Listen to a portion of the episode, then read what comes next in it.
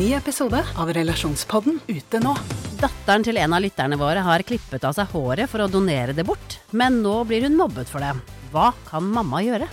Og hva gjør du når 14-åringen ikke vil ha den kjipe stebestefaren i konfirmasjonen sin? Ta hensyn til konfirmanten eller til mormor. Hør Relasjonspodden gratis der du hører podkast.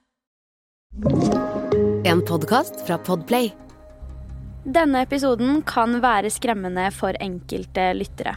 Om du er yngre eller sensitiv til drap, forsvinning eller beskrivelser rundt slike hendelser, så anbefaler vi at du lytter til episoden med noen du stoler på, eller skrur av.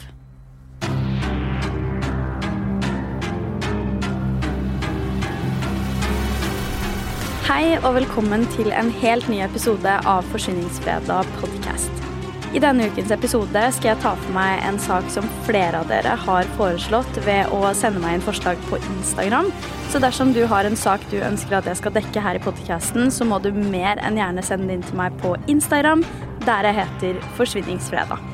Dagens sak må være blant de mest brutale sakene vi har snakka om her i podkasten, og vi har virkelig med en psykopat å gjøre her.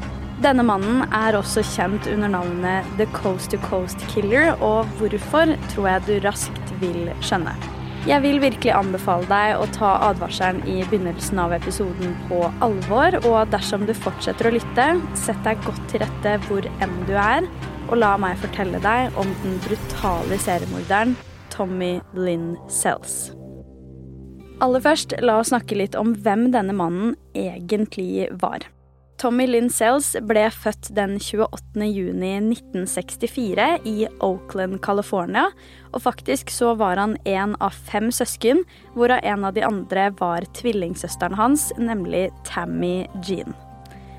Dessverre vokste aldri Tommy opp sammen med Tammy, ettersom hun fikk hjernehinnebetennelse da tvillingparet bare var 18 måneder gamle, og livet hennes sto ikke til å redde. Kort tid etter dødsfallet ble Tommy sendt til tanta si for å bo der i stedet, rett og slett som et resultat av at moren hans hadde for mye å ta hånd om. Her ble han faktisk boende til han var fem år gammel, og det er nemlig på dette tidspunktet at tanta ønsker å adoptere Tommy, men da Tommys mor finner ut av dette, så ønsker hun sønnen sin tilbake. Fra da av bor Tommy igjen med moren sin. Det er også verdt å nevne at det aldri har vært helt klart hvem som egentlig var Tommys biologiske far. Likevel så er det en kandidat man antar at faktisk var den biologiske faren, og han het Joe Lovins. Joe Lovins døde da Tommy kun var elleve år gammel, så han har aldri vokst opp med en farsfigur i livet sitt eller noe annet å lene seg på enn moren sin, sammen med de fire andre søsknene. Det er mange faktorer i Tommys oppvekst som definitivt er spesielle, og som ikke nødvendigvis legger et grunnlag for en sunn oppvekst. Allerede i en alder av syv år begynte nemlig Tommy å forsyne seg med alkohol fra et lager som tilhørte morfaren hans. Ikke bare forsynte han seg, men dette ble også til en vane for den lille gutten. Allerede før det hadde rukket å gå et år fra første gang han drakk alkohol som syvåring, hadde Tommy kommet i kontakt med en voksen mann ved navn Willis Clark. Det jeg syns er skikkelig trist her, er hvordan Tommy selv har snakket om dette i ettertid. Han mener nemlig bestemt at moren hans oppmuntra forholdet mellom han og denne voksne mannen, i tillegg til at han hevder at denne Willis Clark skal ha misbrukt han seksuelt en hel rekke ganger i denne perioden. Noen mener at det er høy sannsynlighet for at moren ble betalt for å støtte nettopp dette, men det er kun spekulasjoner. Tommy selv har forklart at hele denne situasjonen, og spesielt at moren oppmuntra det, er noe som traumatiserte og påvirka han sterkt. Faktisk så har Tommy forklart at han gjenopplevde gamle traumer senere i livet, men det kommer jeg tilbake til snart. Som tiåring begynte Tommy Sells å bruke narkotika tre år etter at han drakk sine første dråper med alkohol.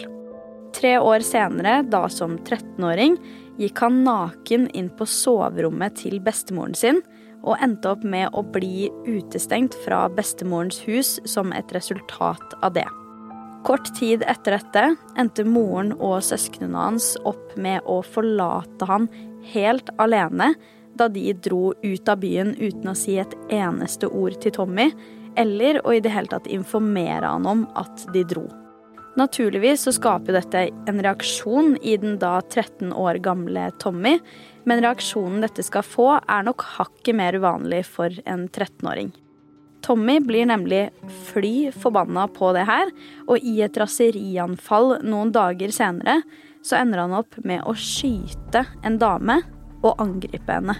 Heldigvis overlevde denne dama, men ikke alle i denne historien er så heldige. Rundt et års tid senere, da Tommy var 14 år gammel, begynte han å leve som nomade permanent i 1978. For å forklare dette begrepet for deg som kanskje ikke er helt kjent med det, her er Store norske leksikon sin definisjon av nomader. Nomader er folk som pga. sitt erverv skifter boplass innenfor et større eller mindre område og stadig er på vandring. Selv om ordet opprinnelig bare ble brukt om gjeterfolk, er det nå først og fremst bevegeligheten, mangelen på fast bopel, som ligger i begrepet. Da Tommy var 14 år gammel, ønsket han å besøke familien sin i Little Rock, Arkansas, men dette møtet ble alt annet enn det noen av dem hadde sett for seg. Det er nemlig nå Tommy forsøker å forgripe seg på sin egen mor mens hun er i dusjen, og han ender opp med å bli kasta ut av huset for handlingen, forståelig nok. Fra daværende tidspunkt begynner drikkeproblemet til Tommy å vokse seg større og større, og ikke får han heller psykisk helsehjelp noe sted. Det er dette som skal føre til Tommy Sells første pågripelse i 1982 for offentlig rus, da som 18-åring. Denne pågripelsen skal være starten på noe mye, mye større, så her er det bare å holde tunga rett i munnen. Fra 1978 til 1999 var Tommy Sells per definisjon hjemløs og var på mange måter nødt til å gjøre det han kunne for å tjene til livets opphold. Vel, som vi har vært inne på her, så var jo Tommy veldig sterkt alkoholisert og rusavhengig, så det var disse to tingene Tommy brukte pengene sine på. I nevnte tidsperiode så haika han eller snek seg ulovlig på toget rundt om i hele USA og begikk kriminelle handlinger underveis, som tyveri, kjøring i ruspåvirka tilstand og slåssing. Han hadde faktisk også noen småjobber her og der, men med et såpass alvorlig rus- og alkoholproblem så var det vanskelig for han å holde på jobbene sine.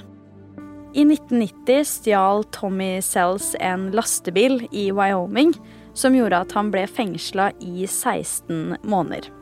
I forbindelse med dette så utførte de også en psykologisk undersøkelse av Tommy, og det er her han blir diagnostisert med en personlighetsforstyrrelse bestående av antisosiale, borderline og schizofrene trekk, rusmisbruksforstyrrelse, da alvorlig opioid, amfetamin og alkoholavhengighet, bipolar lidelse, alvorlig depressiv lidelse og til slutt psykose. Nå som vi har snakka litt om Tommy Sells bakgrunn, så tenker jeg at det er på tide å snakke litt om de faktiske hendelsene her, og jeg vil ta deg helt tilbake til begynnelsen. Her er hendelsen som på mange måter startet alt. Den 13. mai 1992 kjørte 19 år gamle Fabienne Witherspoon en tur i Charleston, West Virginia, da hun så en gutt tigge under en bro. Denne gutten skulle vise seg å være Tommy Sells, som holdt et skilt med et budskap om at han ønsket å jobbe for å få mat. Denne Fabienne-kvinnen syntes dette var hjerteskjærende og ønsket å hjelpe han, så hun stoppa opp ved han og forklarte at hun ville hjelpe. Av henne så skulle han få både rene klær og mat, rett og slett for å gjøre det litt enklere for ham. Fabienne tok da med seg Tommy hjem til seg selv og ba han om å vente utenfor. Hun skulle inn og hente noe mat til han som han kunne få med seg, og selv om hun hadde bedt Tommy om å vente utenfor, så var han allerede inne i huset hennes da hun kom tilbake til inngangsdøra. Tommy gikk altså da bare rett inn, uten tillatelse. Fabienne gikk da for å hente noe annet i tillegg, og det er da Tommy griper sjansen sin. Han sniker seg nå bort til kjøkkenet og henter en stor og skarp kniv, før han finner Fabienne og ber hun om å følge hans instruksjoner, så skulle han ikke skade henne. Tommy fotfølger så Fabienne helt til badet, og her sperrer han henne inne. Her forsøker han også å forgripe seg på henne, men Fabienne stritter raskt imot og er klar for å kjempe tilbake. Når man hører om denne historien, så blir det helt åpenbart at Fabienne absolutt ikke skulle la denne gutten få noe som helst overtak, så hun kjemper hardt tilbake slår han gjentatte ganger med en keramisk and rett i hodet, før hun får kontroll over kniven hans. Man skulle kanskje tro at det slutta der, men nei. Fabienne skulle sikre sin egen sikkerhet, og valgte derfor å stikke Tommy i både nyrene og leveren. På toppen av dette ble også testiklene til Tommy omtrent skåret i skiver dette har blitt en veldig fysisk slåsskamp, akkurat som du hører. Og for å avslutte det hele slår Tommy Fabienne i hodet med en pianokrakk. Til slutt prøver Tommy å komme seg unna, men skadene hans er for omfattende til at han bare kan fortsette livet videre, så Tommy ender opp på intensivavdelingen i stedet. Så fort han hadde kommet seg på beina, havnet han rett i varetekt hos politiet. Fabienne kom dessverre ikke uskadet fra det, men heldigvis overlevde hun. Selv fikk hun betydelige skader, som bl.a. et dypt sår i hodet og også skader på hendene, som krevde operasjon. Etter denne hendelsen og alle avhør, så endte det med at Tommy ble dømt for forholdet og måtte sone fem år i fengsel. Fabienne har faktisk uttalt seg om hendelsen i etterkant, og hun hadde følgende å si, oversatt til norsk. Jeg føler at det er min feil at han bare satt inne i fem år. Jeg har lest at etter hendelsen med meg ville han ikke sitte fast i en sånn situasjon noensinne igjen, hvor han kan risikere å skade seg, så etter det gikk han bare etter mindre mennesker eller barn. Det er mens Tommy soner denne straffen at han blir diagnostisert med bipolar lidelse, men det er også da han utrolig nok gifter seg med en kvinne ved navn Nora Price. I 1997 ble han løslatt fra fengsel, og det første han gjorde, var å flytte inn sammen med kona si i et hus i Tennessee. Her håpa man jo at han skulle komme seg skikkelig på beina og leve et rolig liv uten så mye kriminalitet, men Tommy hadde andre planer.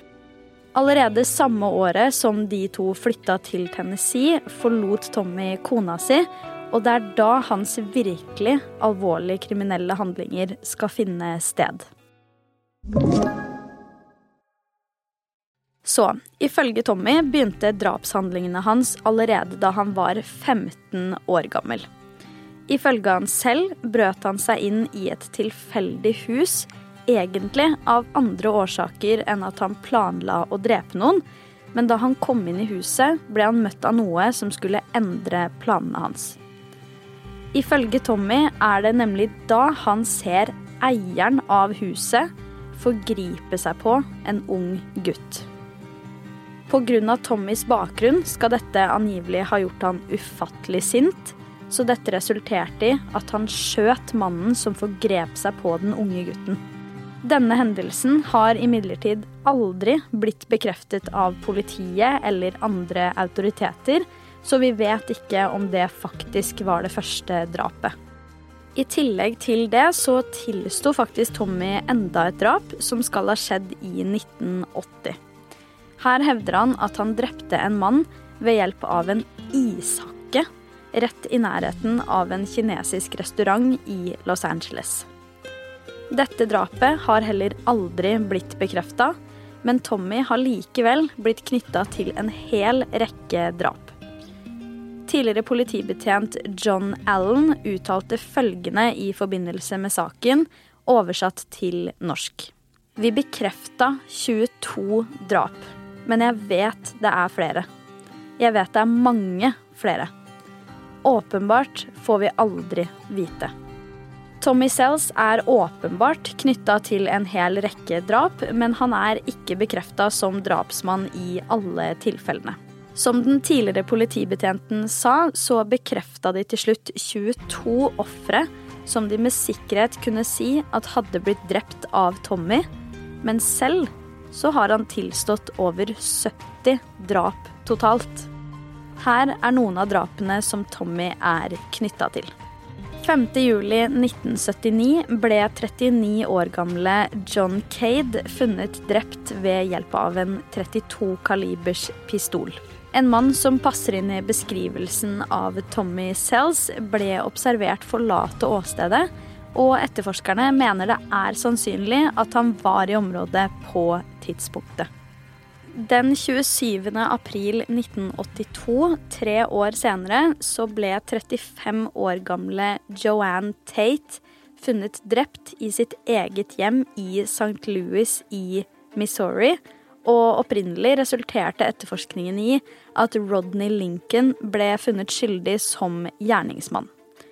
Det var ikke før i 2015, da Crime Watch Daily kom ut med en episode som omhandla Tommy Sells, at Joannes datter kontakta politiet. Hun mente nemlig at Tommy Sells passa beskrivelsen av gjerningsmannen enda bedre, og mente at det måtte være Tommy Sells som sto bak, ikke Rodney Lincoln. Som et resultat av dette ble faktisk Rodney løslatt i 2018, og siden den gang er det Tommy Sells som har stått som antatt gjerningsmann. 31.07.1983 skjedde det nok et drap i St. Louis, men denne gangen var det et dobbeltdrap på en mor og en datter.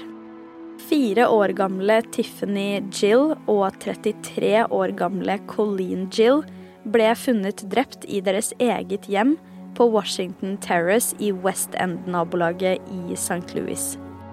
Begge ble funnet banket til døde og obduksjonsrapporten viste at de to hadde blitt slått i hjel ved hjelp av et slags våpen, antatt en baseballkølle. Tommy Sells knyttes til dette drapet da politiet vet at han var i området på tidspunktet, og at han hadde familie i St. Louis, i tillegg til at en mann som passa Tommys beskrivelse på en prikk, ble sett forlate åstedet den aktuelle dagen. Det er den 26. juli 1985, og vi skal til Springfield i Missouri. I juli det året jobba nemlig den da 21 år gamle Tommy Sells på et lokalt tivoli, hvor han endte opp med å møte 28 år gamle Ina Cord. Her møter hun også hennes fire år gamle sønn, nemlig Rory. Dette møtet må ha gått både vel og bra, for det ender med at Ina spør om han ville være med hjem til henne. Dette takker Tommy selvfølgelig ja til, og ifølge hans forklaring så ender de to opp med å ha samleie, før de begge to etter hvert sovner. Tidlig dagen etter våkner Tommy brått. Ifølge forklaringen hans våknet han brått av at Ina stjal fra ryggsekken hans og dette gjorde han fly forbanna. Sinnet hans resulterer i at Tommy går løs på Ina med en baseballkølle som tilhørte sønnen hennes.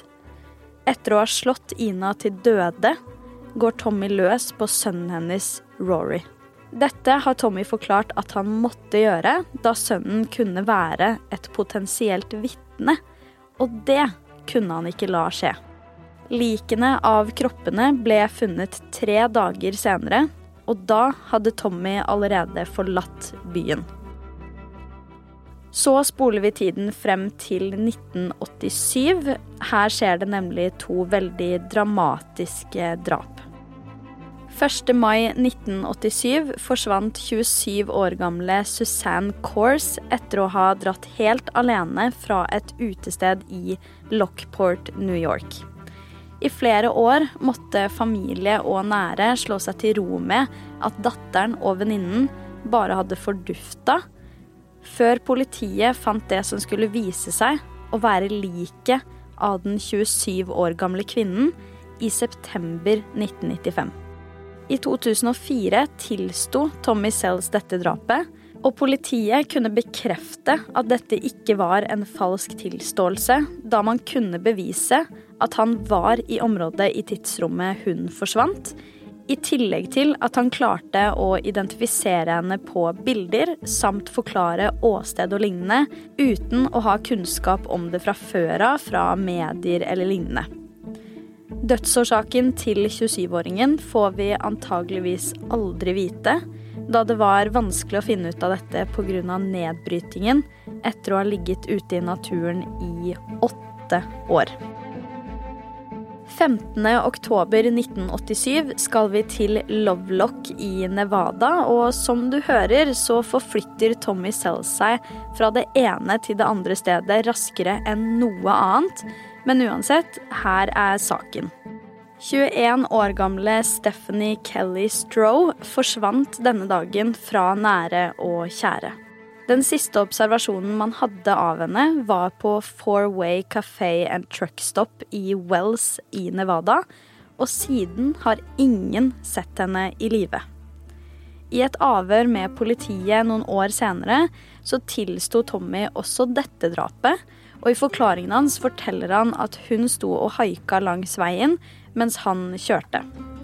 Han forklarer videre at han stoppa opp og spurte om hun ville være med til Reno i Nevada, og hun sa ja. Ifølge Tommy tok de LSD sammen, og han forklarer at han i LSD-rus kvalte 21-åringen til døde, dekket hele kroppen hennes i betong og dumpa liket hennes. Liket ble imidlertid aldri funnet, men Tommy ble likevel funnet skyldig. Mellom drapet i Lovelock og det neste jeg skal fortelle deg om, har politiet funnet elleve saker som Tommy later til å ha en eller annen kobling til, og hvor de kan knytte han til åstedet. La oss spole tiden frem til 1999 og det siste kjente drapet. Vi skal til den 31. desember 1999 og til Del Rio i Texas. Dette er dagen da Tommy Sells går løs på to jenter på 10 og 13 år. Først går han løs på 13 år gamle Kayleen Katie Harris. Tommy seksuelt forgriper seg på denne 13-åringen, knivstikker henne 16 ganger, og strupen hennes bli kutta. Ti år gamle Crystal Searles var på samme eiendom da dette drapet skjedde, men hun var heldig nok til å overleve angrepet som hun også ble utsatt for. Tiåringen ble også kutta i halsen, men løp av sted og endte opp med å til slutt få hjelp av en nabo. Dette er faktisk den nyligste og siste handlingen vi er kjent med, da Tommy igjen ble pågrepet i etterkant av drapet og drapsforsøket. I alle avhør Tommy har vært i, så har han alltid vært veldig direkte om hva som har skjedd. Han har aldri benekta at noe som helst har skjedd, og på et tidspunkt lurte politiet på om han forfalsket flere av tilståelsene sine, selv om vi i dag vet at det ikke nødvendigvis var sånn. Ikke sjokkerende så ble Tommy Sells dømt til dødsstraff for alle disse forholdene, The first time I killed somebody, it was such a rush. I think every time I killed, I killed that guy that molested me all them years. I seen that in my mind over and over. I didn't want him to live through the pain I lived through. I was raised to do time. I wasn't raised to live out there in, in that world. I suffer more here than I'll ever suffer in that grave. I have to live with it every day now. When they kill me, at least I'll be free then. Jeg må jo si at det jeg definitivt syns at skiller seg ekstra ut med denne saken, er hvordan Tommy selv snakker om ofrene og om saken og alt rundt. Da han satt på death row, så ble han intervjua av et amerikansk mediehus, hvor de spør om litt diverse rundt akkurat det. Jeg vil gjerne vise deg et lite utdrag fra dette intervjuet. Ta og hør på det her. I like to use a knife.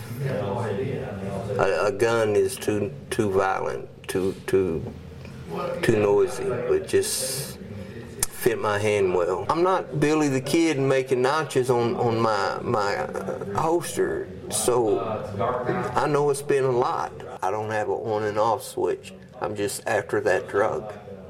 I'm after that feeling. It's complicated. It's uh, when people enter my life, they get hurt. I don't have no feelings no more. When you look at me, you know what hate is because I don't know what love is. Two words I don't like to use is love and sorry because I'm about hate. Du har hørt Forsvinningsfredag podkast med meg, Sara Høydahl.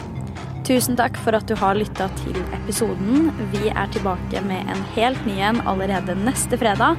Og i mellomtiden, ta vare på deg selv.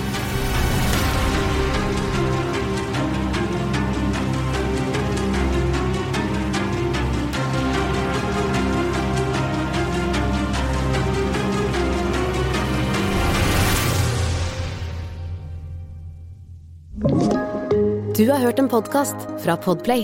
En enklere måte å høre podkast på.